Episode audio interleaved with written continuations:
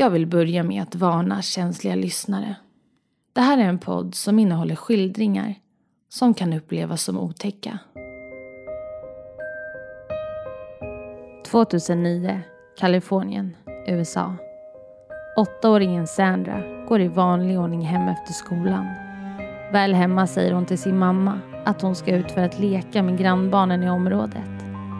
Men när middagen står serverad på köksbordet har Sandra inte kommit hem än. Och hem kommer hon aldrig igen. Du lyssnar på Värsta morden, en podcast av Saga Lindqvist Brinkhorn.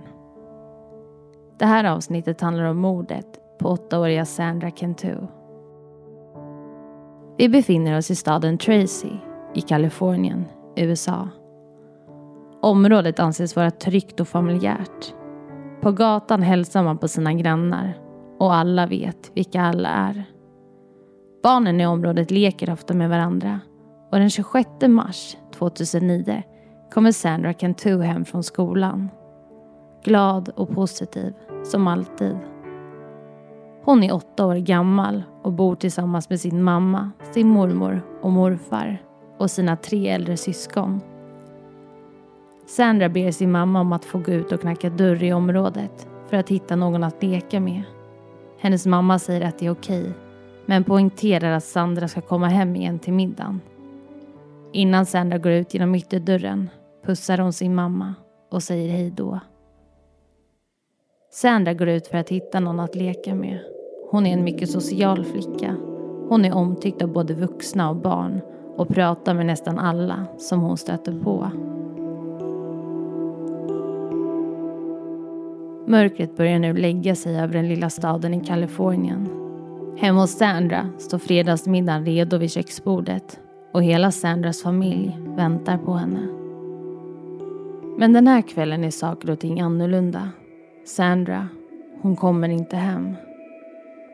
Familjen börjar nu fråga grannar i området om de sett deras Sandra. Men det är ingen som vet var hon är. Hennes mamma inser att något inte står rätt till och ringer därför till larmcentralen runt klockan åtta på kvällen. Hon berättar att hennes åttaåriga flicka inte kommit hem. Klockan 15.00 på eftermiddagen ska ha varit senaste gången hon sett sin flicka. Polisen tar samtalet på allvar och väljer att agera snabbt. Man skickar ut patruller i området och letar efter den lilla flickan. Men Sandra syns inte till. Genom övervakningskameror som Sandras morfar ska ha satt upp på deras hus kan polisen se att Sandra gått förbi huset klockan 16.00. Hon har då på sig en Hello Kitty-tröja och det verkar som att hon får kontakt med någon som inte syns i videoupptagningen. Polisen vet att brott ofta är relaterade till nära anhöriga och riktar därför in sig på Sandras pappa som den eventuella gärningsmannen. Men Sandras pappa har ett starkt alibi och därför väljer polisen att gå vidare i jakten på andra gärningsmän. Många grannar ställer upp i sökandet efter den lilla flickan. Polisen använder alla sina resurser. Man använder bland annat en helikopter som söker av området och närområden med en värmekamera. Men utan resultat. Polisen knackar också dörr i området och pratar med grannar. Men inget leder dem närmare Sandra. Det står stilla i utredningen och därför kopplas specialagenter från FBI in i fallet.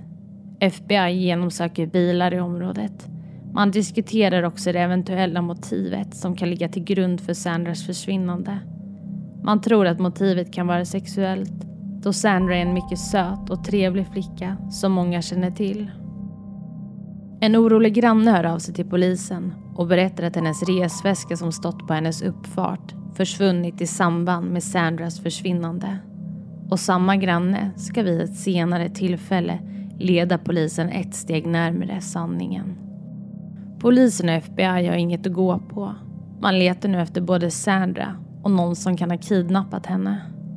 Man bestämmer sig för att använda statistik i jakten på henne. Det mest sannolika är att en medelålders man i hennes närhet, någon som vetat vem hon är, kanske en granne eller någon annan i hennes närhet, är den som rövat bort henne. När polisen och FBI undersöker medelålders män i området som Sandra kan ha pratat med vid olika tillfällen finner man att flera av dessa män har dömts för olika brott. Utredarna tittar främst på dömda pedofiler i området och listan är lång. Det finns bland annat en man i området som vid ett tidigare tillfälle spontant pussat Sandra. Samma man ska också ha närmat sig henne en gång och velat borsta hennes hår. När mannen förhörs erkänner han att han faktiskt har pussat Sandra en gång. Han säger också att han har sexfantasier om flickor i åldrarna 9 till 10 år. Men polisen och FBI har även ögonen på andra män. Samma dag som Sandra försvann åkte det för ovanlighetens skull runt en glassbil i området och bilen kördes av en man som stannade längs med gatorna för att prata med barn. Flera grannar i området berättar för utredarna att mannen betett sig konstigt. Det finns också en son och en far i området som erkänner att de har bilder på Sandra och andra barn i sina mobiler. Detta i ett sexuellt syfte. De misstänkta i området får genomgå ett lögndetektorstest. Alla klarar testen utom fadern och sonen som har bilder i telefonen på barn i området. Men polisen och FBI tror ändå inte att de är skyldiga och söker vidare. FBI drar nu in sitt akutteam för att hitta Sandra. I pressen visas hennes ansikte nu för allmänheten i hopp om att någon ska reagera om de ser henne. Och nu händer plötsligt något som kan leda polisen och FBI ett steg närmare Sandra. Ett sökteam har hittat en rosa t-shirt, en likadan som Sandra hade på sig när hon lämnade sitt hem.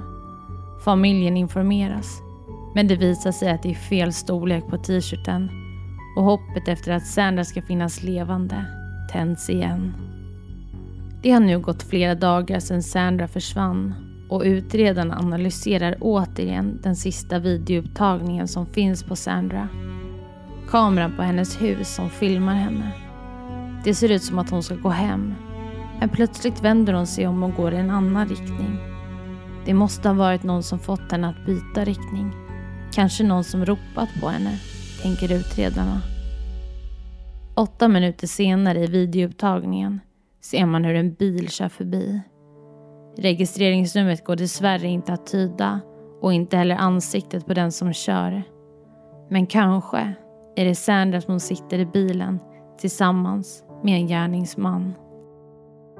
En kall kväll samlas den lilla staden för att tända ljus för Sandra. Man vet inte om hon lever. Man vet inte var hon är. Men ljusen symboliserar stöd och hopp för familjen. Grannar och berörda har köpt gosedjur som ligger uppradade bredvid varandra. Det är hundratals med gosedjur. Utredarna är också på plats för att leta efter tecken och misstänkta personer. Och plötsligt kommer en hysterisk kvinna skrikandes. Det är samma kvinna som tidigare berättat för polisen att hennes resväska försvunnit under samma tid som Sandras försvinnande. Hennes namn är Melissa Huckabee, 28 år gammal. Hon har hittat något. Hon visar polisen en lapp längre bort på gatan. Lappen ligger på marken och på lappen står det, översatt till svenska.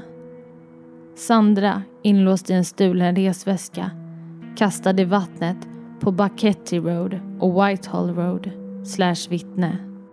Orden på lappen är felstavade och det ser ut som att någon har manipulerat sin egna handstil för att den inte ska överensstämma med den personen som egentligen skrivit lappen. Polisen börjar nu misstänka Melissa. Melissa bor granne med Sandra och hennes familj. Sandra och hennes syskon har tidigare lekt med Melissas dotter. Melissa är ensamstående. Hon arbetar som lärare i området och på söndagar har hon skola i kyrkan. Statistiskt sett är Melissa helt fel person att misstänka. Men polisen och FBI väljer att dyka djupare. Melissa säger att hon under Sandras försvinnande befann sig i kyrkan och dekorerade inför ett event. Och det visar sig faktiskt att hon har ringt ett samtal från kyrkan i samband med tiden runt Sandras försvinnande. Men polisen och FBI fortsätter att undersöka saken. När man undersöker Melissas bil hittar utredarna en lapp. På lappen har någon strykit över text som skrivits. Utredarna tar in lappen på analys för att se vad som står under det som strykits över. Och det visar sig innehålla samma ord som lappen som tidigare hittats på gatan. Samma lapp som Melissa ska ha hittat. I Melissas sovrum hittar man också en skrivbok under hennes säng med samma typ av papper som de två andra lapparna som polisen och FBI hittat. De sidor som fattas i boken överensstämmer också med de lappar som polisen tidigare hittat. Det är tydligt att det är från Melissas bok som lapparna kommer. Men trots att många misstankar nu riktas mot Melissa är utredarna inte säkra. Hon kanske bara vill ha uppmärksamhet, några minuter i rampljuset. Hennes beteende talar för att det är just så. Och sedan tidigare har Melissa lidit av psykisk ohälsa. Hon har också diagnostiserats med olika psykiska sjukdomar, däribland schizofreni. Det har nu gått mer än en vecka sedan Sandra försvann. Det finns inga tydliga spår efter flickan. Men plötsligt får polisen ett samtal om att man hittat något vid en lokal damm. Det ska röra sig om en väska som flyter runt i vattnet. När utredarna kommer till platsen ser de en resväska liggandes vid dammen. Den är tung och det är uppenbart att det är något som ligger i väskan. När den slutligen dras upp på land sprider sig en oroväckande lukt. En lukt av död. Man bestämmer sig för att inte öppna upp resväskan på plats. Om väskan innehåller Sandras kropp vill man inte att det ska rinna ut betydande bevis. När resväskan är i en kontrollerad miljö öppnas den slutligen och i den ligger en liten flicka. Kroppen är placerad i fosterställning och kläderna på den lilla kroppen överensstämmer med kläderna som Sandra hade sista gången som hennes familj såg henne i livet. Och det ska snart visa sig att det är just åttaåriga Sandra. Sandras kropp vittnar om att hon blivit förgiftad med bensodiazepin, ett lugnande medel. Medlet ska gjort att hon sövs ner innan hennes död. På insidan av munnen kan man också se att hon fått en rispa av något. Utöver det har hon inga synliga skador på kroppen. Men undersökningen på Sandras kropp visar också att hon har blivit sexuellt utnyttjad med något typ av verktyg. Vi ska gå in närmare på det längre fram i det här avsnittet. Nu letar polisen och FBI efter en mördare som går lös och den huvudmisstänkta är Melissa. Några vittnen ska också ha hört av sig till utredarna och berättat att de sett Melissa vid en väg nära dammen som Sandra hittats i. Paret som vittnar om att de har sett Melissa berättar att hon var stressad när de träffade henne. Hon ska också ha sagt att hon behövt ställa bilen vid sidan för att hon blivit akut kissnödig. Men det är inte bara parets berättelse som blir avgörande för att Melissa är huvudmisstänkt. Man tycker också att det är märkligt att samma person vars resväska blivit stulen också hittat lappen där det stått att Sandras kropp går att finna i en stulen resväska. I samma veva som Sandra hittas befinner sig Melissa på ett sjukhus då hon har svalt ett rakblad. Eftersom att Melissa befinner sig på ett sjukhus kan polisen inte utföra ett lögndetektorstest på henne.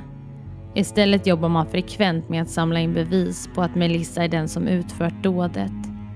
Och det ska visa sig att Melissa varit föremål för tidigare polisutredningar som även inkluderat samma ämne som Sandras kropp haft i sig, nämligen bensodiazepin. När polisen nu återigen tittar på filmen från övervakningskameran vid Sandras hus kan man se att Sandra byter riktning. Hon går då mot Melissas hem och åtta minuter senare är det Melissas bil som åker förbi kamerorna. Man undersöker också kyrkan som Melissa säger att hon befunnit sig i under tiden för Sandras försvinnande. Kyrkan tillhör hennes morföräldrar och utredarna riktar in sig på att finna ett verktyg som Sandra kan ha blivit sexuellt utnyttjad med. I kyrkan finner man bland annat en bakkavel vars handtag har blivit böjt. Utredarna misstänker att det är just det verktyget som Sandra ska ha utnyttjats med och skickar därför in kaven på analys. Melissa vet inte att hon är huvudmisstänkt och när hon kommer hem från sjukhuset fem dagar senare avlyssnar polisen henne. Hennes morföräldrar och dotter har åkt iväg och Melissa är därför själv i huset. När polisen avlyssnar hennes samtal hör de hur hon ringer till Sandras familj och ber Sandras äldre syster att komma förbi och leka med hennes dotter. När polisen hör det här blir de oroliga att hon ska mörda igen. Sandras mamma vet inte att Melissa är misstänkt för mordet på hennes dotter och säger därför att det går bra. Hon ska skicka över sin dotter till Melissa. Men FBI och polisen bestämmer sig för att rycka in. De kan inte riskera att ännu ett barn dör. Polisen och FBI bestämmer sig för att åka hem till Melissa och ber henne följa med till stationen. Hon följer villigt med. Utredarna vill att Melissa ska erkänna vad hon gjort. Men Melissa erkänner inget. Utredarna väljer därför att pressa henne och berättar att de har bevis som tyder på att hon ligger bakom Sandras död. Slutligen, efter fem timmars förhör, brister det för Melissa. Hon erkänner att det är hon som ligger bakom mordet på Sandra. Men hon säger dock att det var en olycka. Hon berättar att hon och Sandra ska ha lekt gömma tillsammans med Melissas dotter och att Sandra då ska ha gömt sig i hennes resväska. Melissa ska därefter ha glömt att Sandra var med och lekte och åkte till kyrkan med resväskan i bilen. När Melissa sedan kommer på att hon har glömt Sandra i resväskan går hon ut till bilen och hittar henne död. Därefter ska hon ha gjort hjärt och lungräddning på Sandra, men utan resultat. Därefter tog hon med sig väskan i bilen och åkte till en närliggande damm dumpade sedan väskan som innehöll Sandras kropp. Hon ville inte att någon skulle tro att hon dödat den lilla flickan med meningen. Och hon förnekar att hon utnyttjat Sandra sexuellt. Ja, då stannar vi upp där lite. Nu arresteras Melissa för mordet på Sandra Cantu. Och familjen kan såklart inte tro sina öron när de får höra att det är just Melissa som misstänks ha mördat Sandra. Melissa arbetar som tidigare nämnt som lärare i kyrkan och är granne till familjen sedan flera år tillbaka. Dessutom har Sandra och hennes syskon lekt med Melissas dotter vid ett flertal tillfällen. Och om vi återgår till den där bakkaven som polisen hittade i kyrkan, den som man tror att Melissa utnyttjat Sandra mer sexuellt, så är det faktiskt så att det visar sig innehålla DNA från just Sandra. Men vi ska lyssna vidare och höra vad som egentligen hände den där kvällen 26 mars 2009. 16.00 på fredags eftermiddagen är Sandra på väg hem efter att ha varit ute och lekt med grannbarn i området. Övervakningskameror visar hur Sandra går mot sitt hem men hur hon sedan vänder sig om och blir distraherad av något. Det är Melissa som ropar på henne.